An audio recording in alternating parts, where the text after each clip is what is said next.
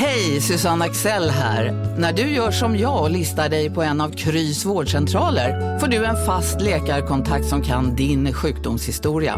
Du får träffa erfarna specialister, tillgång till lättakuten och så kan du chatta med vårdpersonalen. Så gör ditt viktigaste val idag, Lista dig hos Kry.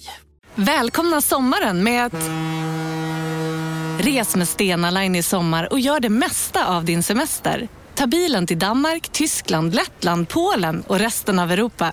Se alla våra destinationer och boka nu på stenaline.se. Välkommen ombord!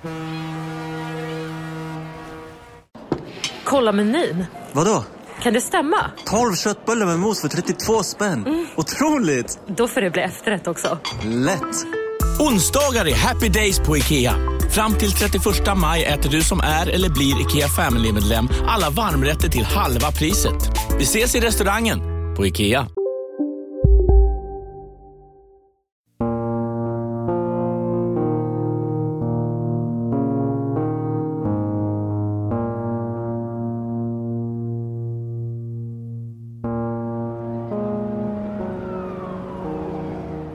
It was one of the coldest days in the year. Det är kväll den 8 mars 2018 i Londonstadsdelen Shoreditch.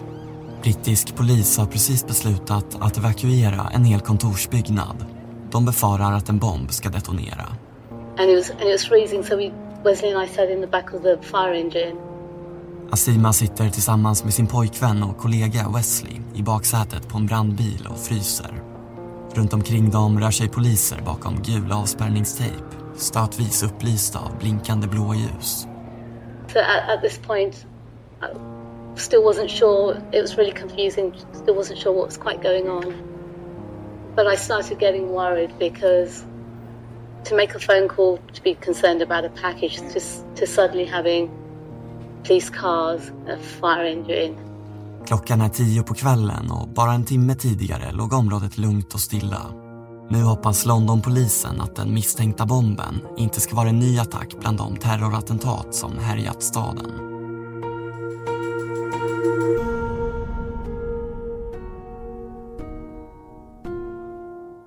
Jag heter Karl Fridsjö och du lyssnar på Mörk historia, brevbomb från Gullspång, del 2.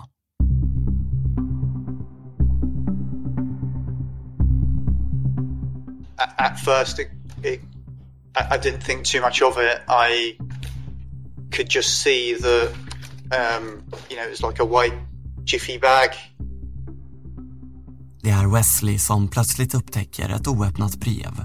Han och flickvännen Asima har den här torsdagskvällen dröjt sig kvar efter arbetsdagens slut för att städa ordning kontoret. De är nästan klara när Wesleys blick fastnar vid brevkorgen på ett av borden. Där ligger det, paketet, vitt och stort som ett A4. I kind of w- did wonder what it was. Um, I then uh, just kind of moved forward uh, and picked it up.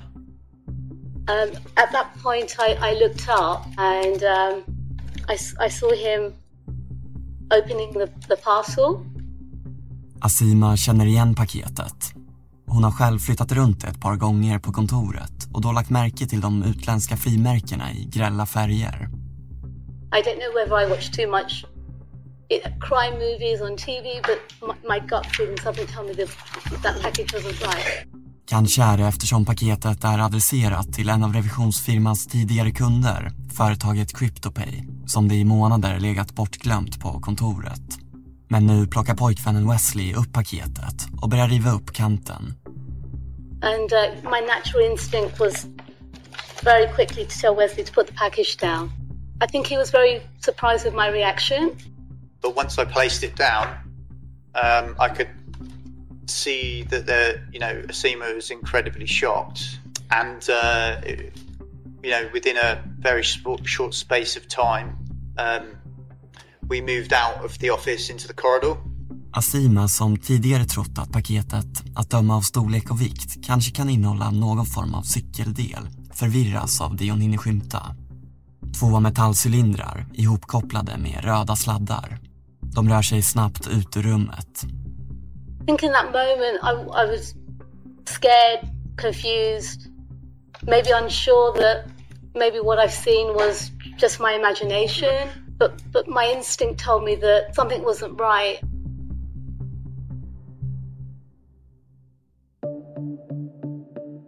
Väl ute i korridoren försöker paret förstå vad det är de varit med om. Again, I wasn't sure. My my uh, sixth sense was telling me that the package there's something wrong with the package, but I couldn't I couldn't say what it was. All I knew that it I needed I needed to get out of the office. Asima kan inte med säkerhet säga vad hon sett, vad paketet innehåller. Men situationen känns ändå så pass obehaglig att de beslutar sig för att ringa polisen. He handed his mobile phone to me and within a, a few seconds I, I called the police. While I was calling them, I had conflicting emotions whether whether calling the police was the right thing. The two people that had called us met us on the street outside the building. Bara minuter efter att Asima larmat är polisinspektör Freddie Wilkinson på plats tillsammans med en kollega. De visar snabbt upp till kontoret på andra våningen. I could see on the desk it was a small package about sort of A4 piece of paper size.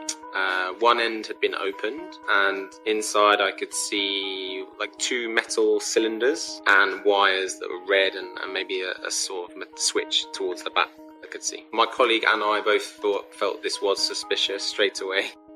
So we, we held back, and the, the police officer looked at the package, and then said, "We need to leave the building now." He said it very seriously. Kort efter att Freddie Wilkinson och hans kollega kunnat konstatera att föremålet är ett högriskobjekt fattar de beslutet att hela kontorsbyggnaden omedelbart måste utrymmas.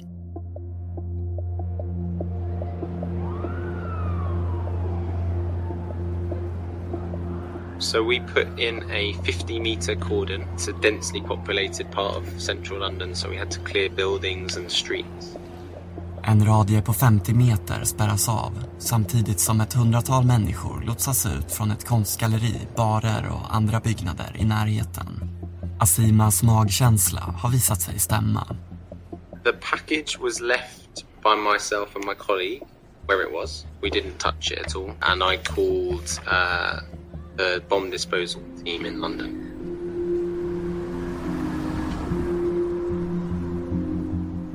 I was met at the door by a police officer who explained to me that they had possibly found a bomb um, two floors up.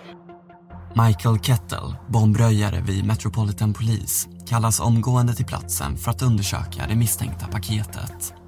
He took me into an office and on the corner of the desk was a package which had been partially torn open. Paketet ligger halvöppet på skrivbordet där Wesley lämnade det och under ett lager av bubbelplast ser Michael Kettle direkt de två rören och de röda sladdarna. Han ber polismannen lämna rummet. Ifall bomben är funktionell är det Michaels uppgift att försöka desarmera den. From my x-ray I could see that the, the whole thing was connected together.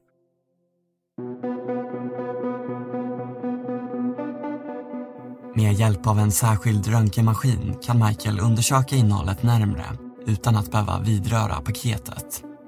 I could see there were two metal tubes, a battery and a micro switch. Röntgenbilderna visar hur de röda sladdarna går från metallcylindrarna till ett batteri. Och vid vardera rör finns en tändsats av stålull. För Michael råder inga tvivel. Det som ligger strax framför honom är något han sett förut.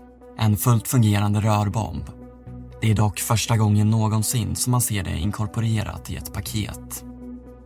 It would appear that the device was designed with um, one envelope inside another. And it's designed to go off when the inner envelope is pulled out of the, the outer envelope. Det framstår som om allt som krävs för att apparaten ska aktiveras är en lätt förflyttning av det inre brevet. Då växlas strömmen på och inom ett ögonblick har bomben exploderat. I then carried out what we call a render safe procedure. Michael beslutar sig för att där och då försöka desarmera bomben genom att förstöra strömbrytaren och på så vis kapa den elektriska anslutningen. And I fired a small weapon at the microswitch. This destroyed the microswitch and broke the electrical connection. Once I was happy that the electrical connection was broken, I cut the wires and removed the two metal tubes. Först efter att ha brutit strömföringen kan Michael försiktigt skruva av locket på metalltuberna för att se vad de innehåller.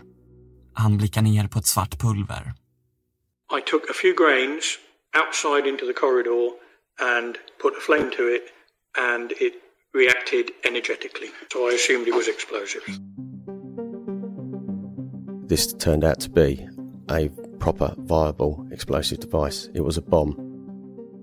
På New Scotland Yard, Londonpolisens högkvarter på 20 våningar, träffar vi förundersökningsledaren från den brittiska antiterrorroten.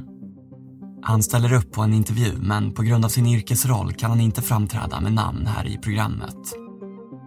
I can only comment on what we've been told by the experts and they said it was enough to cause an explosion in the size of the room that it was found where it would certainly cause injury to the person who opened it and people in the surrounding area and it could have been fatal. Det står tidigt klart för förundersökningsledaren Paketet som Wesley och Asima öppnade innehöll en fullt fungerande bomb. Att de nu sitter oskadda i baksätet på en brandbil och inte i en ambulans på väg till sjukhus är enligt honom bara ren tur. They had opened it in such a manner that it had been opened from the side almost like a packet of crisps as opposed to opening it as an envelope like you would normally do. And I think in this particular case, if it had been opened in the conventional way, it would have detonated. Varför bomben överhuvudtaget hamnat hos den lilla firman, adresserad till deras för detta kund, förbrillar polisen. Och det är den frågan som de i första hand söker svar på, i hopp om att det kan leda dem rätt i jakten på brevbombens upphovsman. Very early stages from a UK perspective, for us was identifying that motive. It wasn't clear. It wasn't clear to us at all why somebody would send a real bomb, which would cause significant harm, if not death, to an accountancy firm or a Bitcoin company. This is very rare. Um, I haven't personally come across something like uh, this, particularly where we've had what would appear to be a viable device sent through a postal system. Den brittiske förundersökningsledaren har under sin karriär aldrig upplevt något liknande. En brevbomb skickad till en anonym revisionsbyrå och som av allt att döma verkar ha gått den vanliga postgången. It just doesn't really happen like that. And the initial inquiries, because we thought this won't have come through the postal system, albeit it might have stamps on, didn't really have franking mark that we could make out. Omständigheterna väcker många frågor. För på något sätt har paketet, trots att det saknar både poststämplar och tillräcklig frankering, lyckats komma fram till Asima och Wesleys kontor. We had to identify had it come through the post, had it been delivered, had it come through a courier. There was much work that needed to be done as to why this device had been sent. Um, there's lots of witnesses to speak to. there's lots of CCTV to collate. There was a whole host of inquiries to be made, and we had to go through a lot of those before we started to get near any form of breakthrough. Efter en mängd vittnesförhör och insamling av övervakningsbilder från området i hopp om att identifiera en gärningsman eller potentiell kurir som kanske lämnat brevet personligen börjar brittisk polis till slut att rikta blicken utanför landets gränser. We initially did it through UK and uh, didn't identify anybody from all the UK services. We then decided to expand that and we went worldwide through Interpol and as a result of that we then identified the suspect for this case. En sökning i Interpols DNA-register ger till slut brittisk polis en misstänkt gärningsman. DNA-spår som säkrats på delar av brevbomben leder dem till Sverige. And when we spoke to the Swedish authorities, it transpired that he was already part of an ongoing live investigation that they had. Vi fick informationen då någonstans i början på april från brittiska myndigheter att det just var den här aktörens DNA som fanns där, vilket var ehm, ja, lite oväntat för våran del. Det har gått flera månader sedan den misstänkte 43-åringen försattes på fri fot när Fredrik Hallström och Säpo får informationen av brittisk polis. Att DNA från samme man nu har hittats på delar av en brevbomb. Vi gör ju bedömningar av individer utifrån ett hotperspektiv löpande. Det är ju otroligt svårt att göra en, en bedömning av en individ baserat på ett pulver och ett eh, handskrivet brev som innehåller väldigt lite. Men vi gör den typen av bedömningar. Vi gör typen av riskbedömningar ett antal scenariobedömningar. Vad skulle det här kunna innebära? Och det fanns ingenting i de bedömningarna som pekar liksom snarare på, en, på någon form av acceleration. Även om Säpos risk och scenariobedömningar enligt Fredrik Hallström inte förberedde dem på att 43-åringen kunde utgöra något nämnvärt fortsatt hot och att händelseutvecklingen i London kom som en överraskning för dem så kan Säkerhetspolisen trots det tidigt bistå brittisk polis med utredningsmaterial som kopplar 43-åringen till brottet.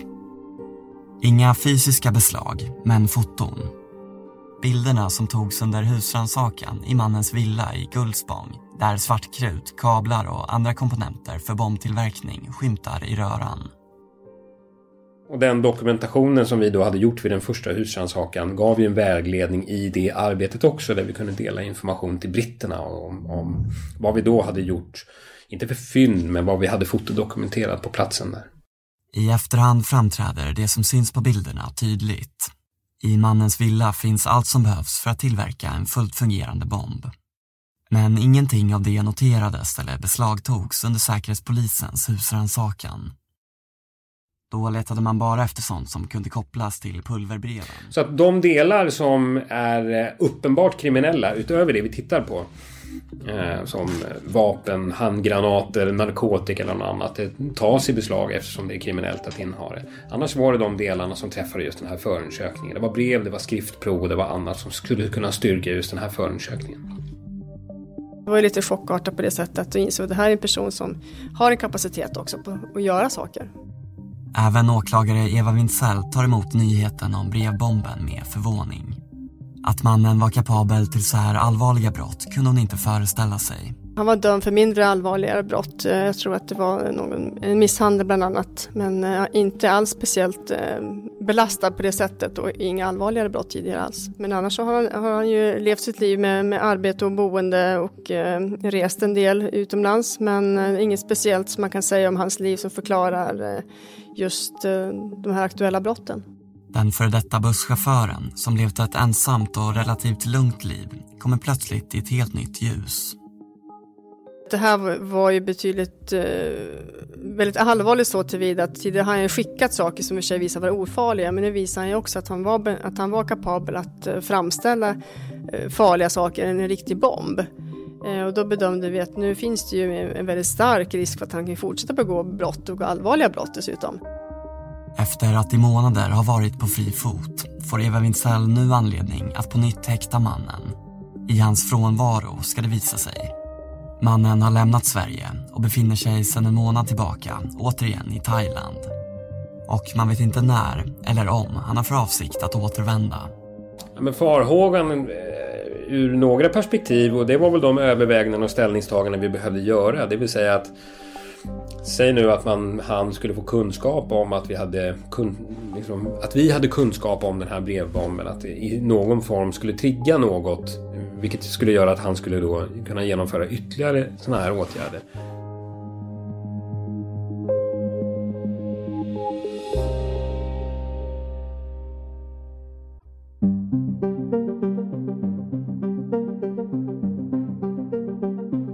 We did initially think there would be a point where he may well come back to Sweden and he could be arrested there.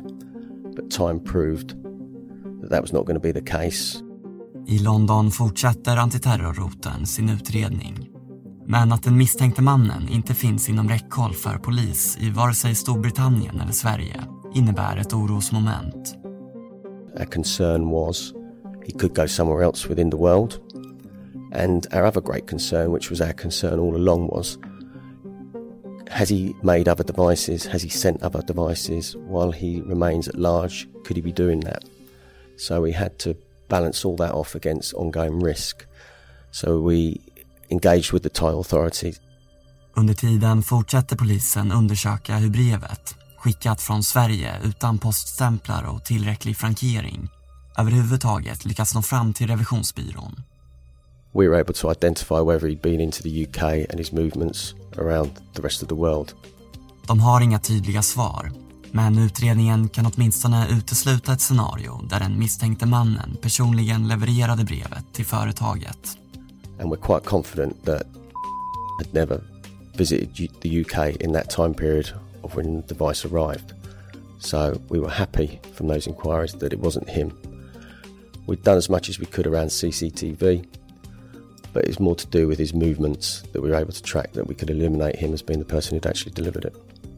Om ingen var där och lämnade brevet, vare sig mannen själv eller en medhjälpare, återstår bara en tänkbar förklaring. En skarp spränganordning har gått den normala postgången, förmodligen fraktad till London i ett vanligt passagerarflygplan. Ja, men vi genomförde ett flertal olika åtgärder i syfte att klarlägga hur de här breven hade yogamatta är på väg till dig, som gör att du för första gången hittar ditt inre lugn och gör dig befordrad på jobbet men du tackar nej för du drivs inte längre av prestation. Då finns det flera smarta sätt att beställa hem din yogamatta på. Som till våra paketboxar till exempel. Hälsningar Postnord. Det där var för att uppmärksamma er på att McDonalds nu ger fina deals i sin app till alla som slänger sin takeaway förpackning på rätt ställe. Även om skräpet kommer från andra snabbmatsrestauranger som exempelvis Mac eller till exempel Burger... Bara på Storytel. En natt i maj 1973 blir en kvinna brutalt mördad på en mörk gångväg. Lyssna på första delen i min nya ljudserie. Hennes sista steg av mig, Denise Rubberg. Inspirerad av verkliga händelser. Bara på Storytel. kommit fram. Eh, där vi självklart pratade med post och den hantering och, och andra delar. Eh, och under en, under en period så var det väl inte helt klarlagt hur det där såg ut men har ju efterhand då förstått att breven har skickats eh, ofrankerade och har gått i den normala postgången. Så. Men det är klart att det också bidrar till en osäkerhet eh, hur de här breven har levererats och, och så. Vi hade med hänsyn till den utredningen som vi gjorde kring bomben anledning att titta igen lite mera och vi hittade en hel del saker då. Den 7 maj 2018, två månader efter att brevbomben oskadliggjorts av den brittiska antiterrorroten, genomför Säpo en ny husrannsakan i mannens villa i Gullspång. När vi väl har tömt exempelvis en dator en telefon, tillgängliggjort den och sen påbörjat bearbetning av den där, konstaterat att men herregud, här fanns ju något annat för att göra en, en ytterligare en husrannsakan. Därav också den fotodokumentation som vi gör då för att kunna få, ja, få ett grepp om vad det är. En ny brottsmisstanke har tillkommit och åklagare Eva Wintzell har beslutat om ytterligare en genomsökning. För att den här gången titta med nya ögon, som man uttrycker det, och säkra sådana spår som kan kopplas till tillverkningen av en bomb. Precis som fotodokumentationen visat finns det en hel del. Ja, det fanns ju spår av rester av sån här svartkrut som är det som man har lagt i två stycken rör. Det fanns en svetsutrustning som visar att han kan ha svetsat eh, till de här rören eh, och försluta dem med någon slags rörkappar. Eh, det fanns också den typen av tråd, mikroswitchar. I princip så fanns ju allt det material som man har behövt för att framställa den här bomben när man såg sammanhanget. I samband med de nya fynden kan mannen till sist omhändertas av thailändska myndigheter. Och efter drygt två månader i Thailand och tre dygn i thailändsk arrest kan han överlämnas till Sverige och än en gång gripas av Säkerhetspolisen på Arlanda. It was very reassuring. At least once he was in custody, we knew that if he was acting alone, which ultimately we identified he was, it was reassuring that we knew he was not in a position to create another device. Gripandet kommer som en lättnad för brittisk polis. Och när mannen nu kan förhöras hoppas de få klarhet i vad som egentligen föregått bomben, hur och varför den hamnade hos den lilla revisionsbyrån i London. Men mannen vill i förhören inte kännas vid att han har någonting att göra med vare sig hotbreven eller brevbomben. He's never actually given us a motive as to why he did it. He's not actually admitted he did it. So we'll never be entirely clear, and we can only base it on what we found. And the only issue we could really find was he was clearly linked to the Bitcoin company. He was a customer. So that was quite key to us.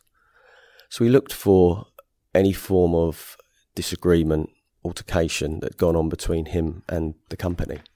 And all we could find, which was prior to when we think the device was delivered, was he had uh, an email argument with them over a password reset.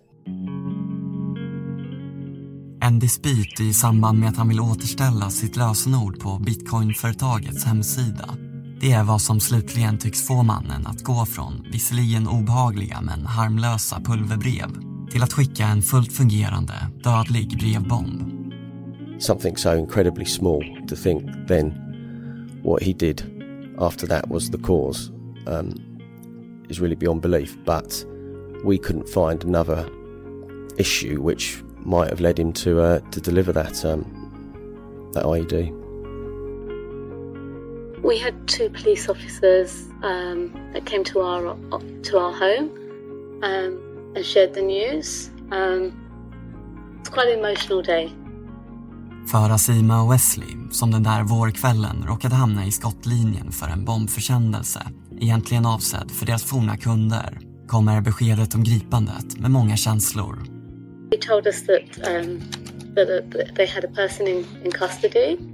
Um, I was shocked and burst into tears because it, I think it was just a relief that that someone had been um, arrested for for for this parcel. Um, at, at which point I was I asked, you know, what was it? Because up until that point, nothing had been confirmed.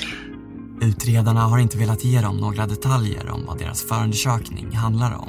Och när de två poliserna nu knackar på hemma hos Asima och Wesley är det första gången de får veta vad brevet faktiskt innehöll. They said it was a bomb um, and that we were very lucky to be here.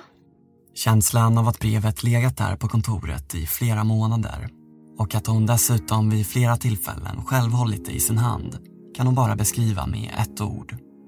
Fear, um, you know, to we're just a normal business, and for this to happen is, um, I think, the uncertainty of not knowing what the package was. It's, it's been stressful. I think on the day I was I was very much in shock and um, couldn't quite understand um, the fact that we're an accounting firm and this incident had happened. Um, it seemed very far fetched. Tekniska undersökningar visar att bomben, utöver att orsaka allvarliga skador, med 50% sannolikhet kunnat döda den som öppnade brevet. För Wesley blev räddningen en gammal fotbollsskada i tummen som tvingar honom att öppna paket mer som en chipspåse och inte på det vanliga sättet. Just the impact of that is, uh, you know, of course, I was frightened. Um, I was upset by the incident. Um, I could see that other people around me were upset, and um, you know, you, you, you kind of, I'm just thankful that you know I'm still here and I'm talking to you. Really,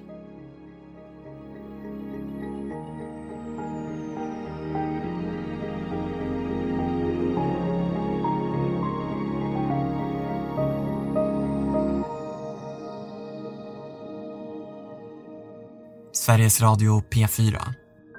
En man från Västsverige åtalas idag för att ha skickat brev med ett hotfullt meddelande och pulver hem till nästan alla av regeringens statsråd. Den 29 augusti 2018 inleds rättegången mot 43-åringen i Stockholms tingsrätt. Ja, jag tycker det är överhuvudtaget väldigt bisarrt att jag ska vara misstänkt för allt det här. Han står åtalad för fyra mordförsök och över 20 fall av grovt olaga hot.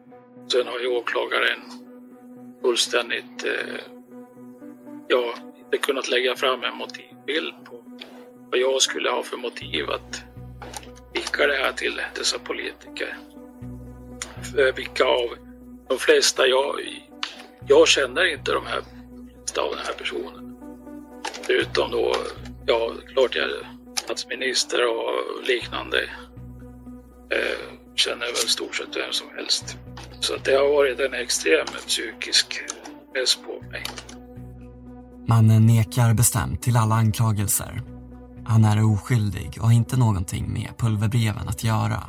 Men fynden från hans villa, som är full av lappar med handskrivna hot, berättar om motsatsen. De, de lappar, de medlen som fanns följde liksom samma mönster, att det var en viss hatiskhet, eh, viss vrede på något sätt som man ju kunde få eh, en inblick i när man såg andra lappar som man hade skrivit och med samma handstil också. Att vi såg att det är förmodligen samma penna. Lapparna från mannens villa har dessutom skickats till tekniker på Nationellt forensiskt centrum som utfört en jämförande handstilsanalys mot hotbreven. Resultatet visar att det med stor sannolikhet är samma hand som författat samtliga texter. Nu syns det väldigt dåligt här, men på den här bilden så eh, står lite olika saker. Eh, som minns en svensk eh, ska dö bland annat. Vi hör Eva och hennes två kollegor fråga ut mannen i tingsrätten. Bilden av den som har författat lapparna är ju någon slags hatiskhet och att man vill döda någon person. Är det någonting som du känner igen hos dig själv? Jag ogillar frågan hur den är formulerad och jag vill inte ytterligare kommentera vad som är sagt. Nej. Men förnekar du att det är du som har skrivit lapparna? Jag har inget mer förutom det som är sagt i bevisför. Du har köpt kuvert av det här slaget som har förekommit i det här målet, A5-kuvert. Inhandlat sådana kuvert. Så här är det, ni har haft gott om tid på er att göra analyser på det här materialet och ni har inte kunnat eh, lägga fram några bevis på att det, det är kuvert. Så jag, Det var inte svar på jag vill inte jag frågar om du har köpt kuvert. Jag vill inte kommentera ytterligare. Eh, och eh, det förhållandet att man påträffar ditt DNA i, inuti kuvertet kan du inte heller eller vill inte kommentera. På de här två kuverten så tillhörde två av de här politikerna. Inga kommentarer förutom det som är sagt. Mannen har inga kommentarer till i stort sett någon av Evas eller medåklagarnas frågor. På golvet hemma hos dig i samband med att den husrannsakan görs, och det är den som görs i, eh, i samma, i under december. Då ligger det en lapp, eller om det möjligtvis är ett kuvert som det är skrivet på, jag ser inte riktigt. Där det står brevbomberna kommer lyckas. Är det du som har skrivit det? Okej. Förlåt, jag hörde inte svaret. Inga kommentarer. Inga kommentarer. Det gäller också i den delen av åtalet som rör brevbomben. Allt han har att säga är att det inte är han som har skickat den. I övrigt vill han inte kommentera. Glycerin Örebro. KNO3. K-Rauta.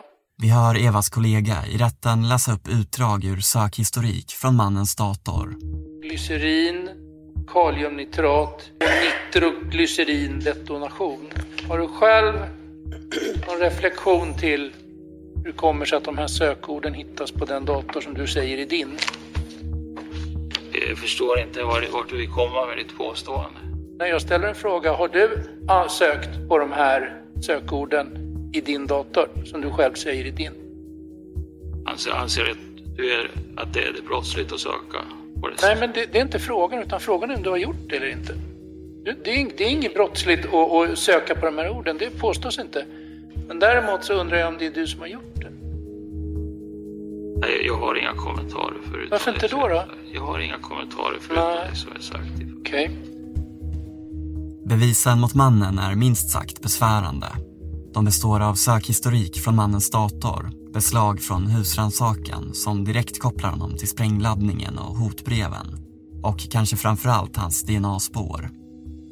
Ändå hävdar han sin oskuld. I polisförhör ska han antyda vad han tror är orsaken till att han sitter där han sitter. Ska man säga, vissa uppgifter som han lämnar tyder på att han tror att det skulle vara planterat eller att det är polisen på något sätt som har satt dit honom fast det inte är han och så vidare.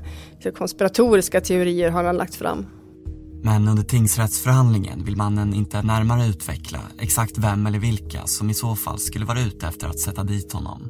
Jag, jag har mina misstankar, mina teorier. Kan du inte tala om det för oss då? Vi är väldigt intresserade av att få höra det. Inga kommentarer.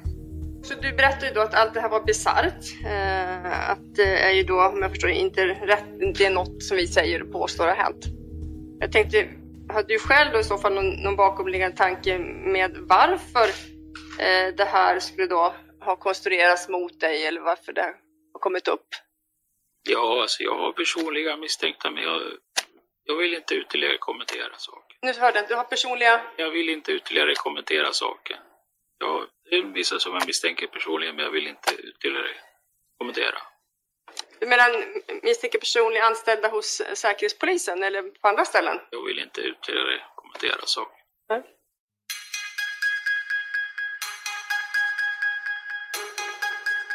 Den 11 november 2018 faller tingsrättens dom.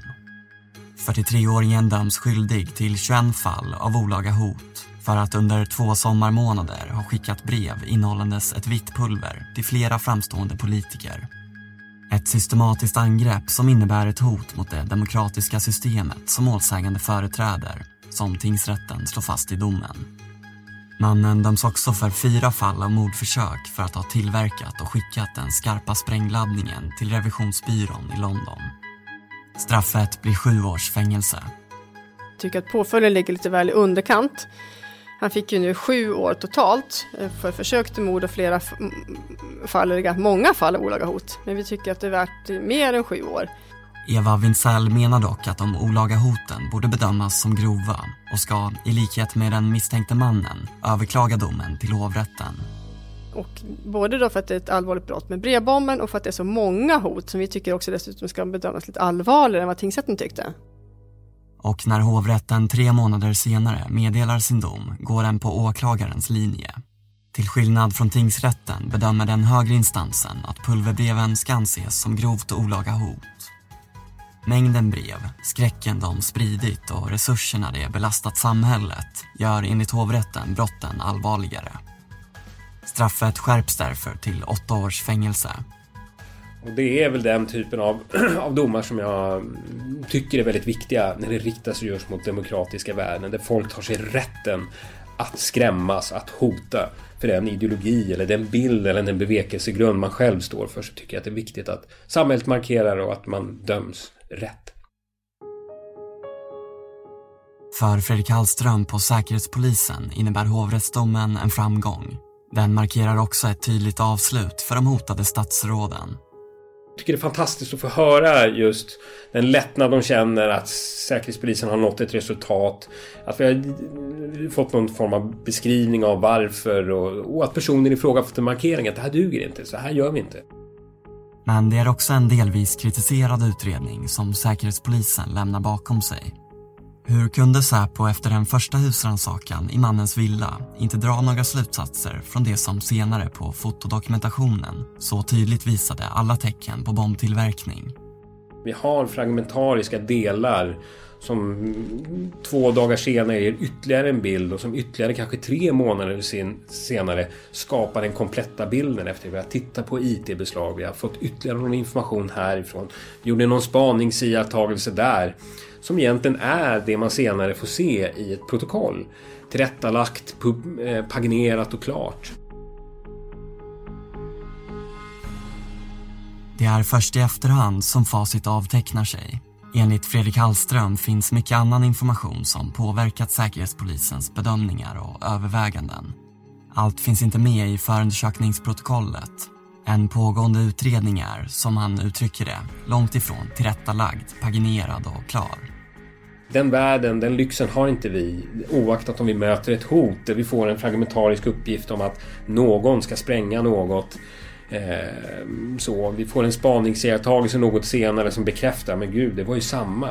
Alltså hela den här bilden som är ibland att leva i serien 24. Den kan man inte förstå av ett förundersökningsprotokoll.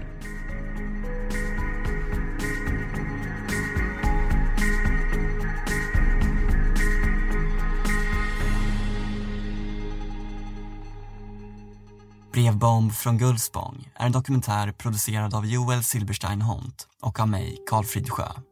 Reporter var Nicole Melin och musiken kommer från Epidemic Sound. Glöm inte att prenumerera i din podcastspelare för att inte missa nya avsnitt. Eller stöd vårt arbete via Acast-appen. Tack!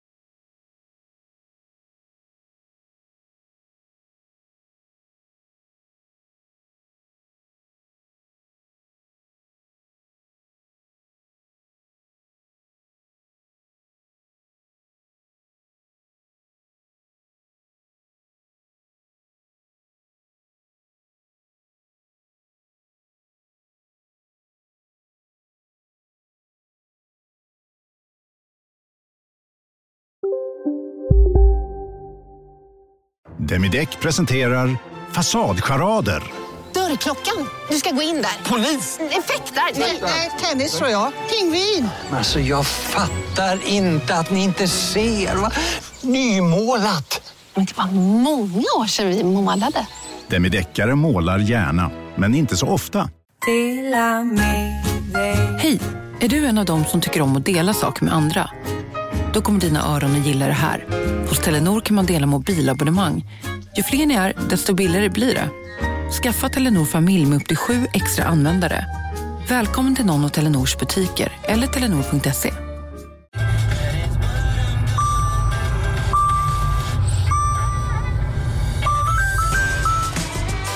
Dags att fylla på tanken. Stanna på Circle K så får du 50 öre rabatt per liter på dina tre första tankningar när du blir medlem. Vi ses på Circle K i sommar.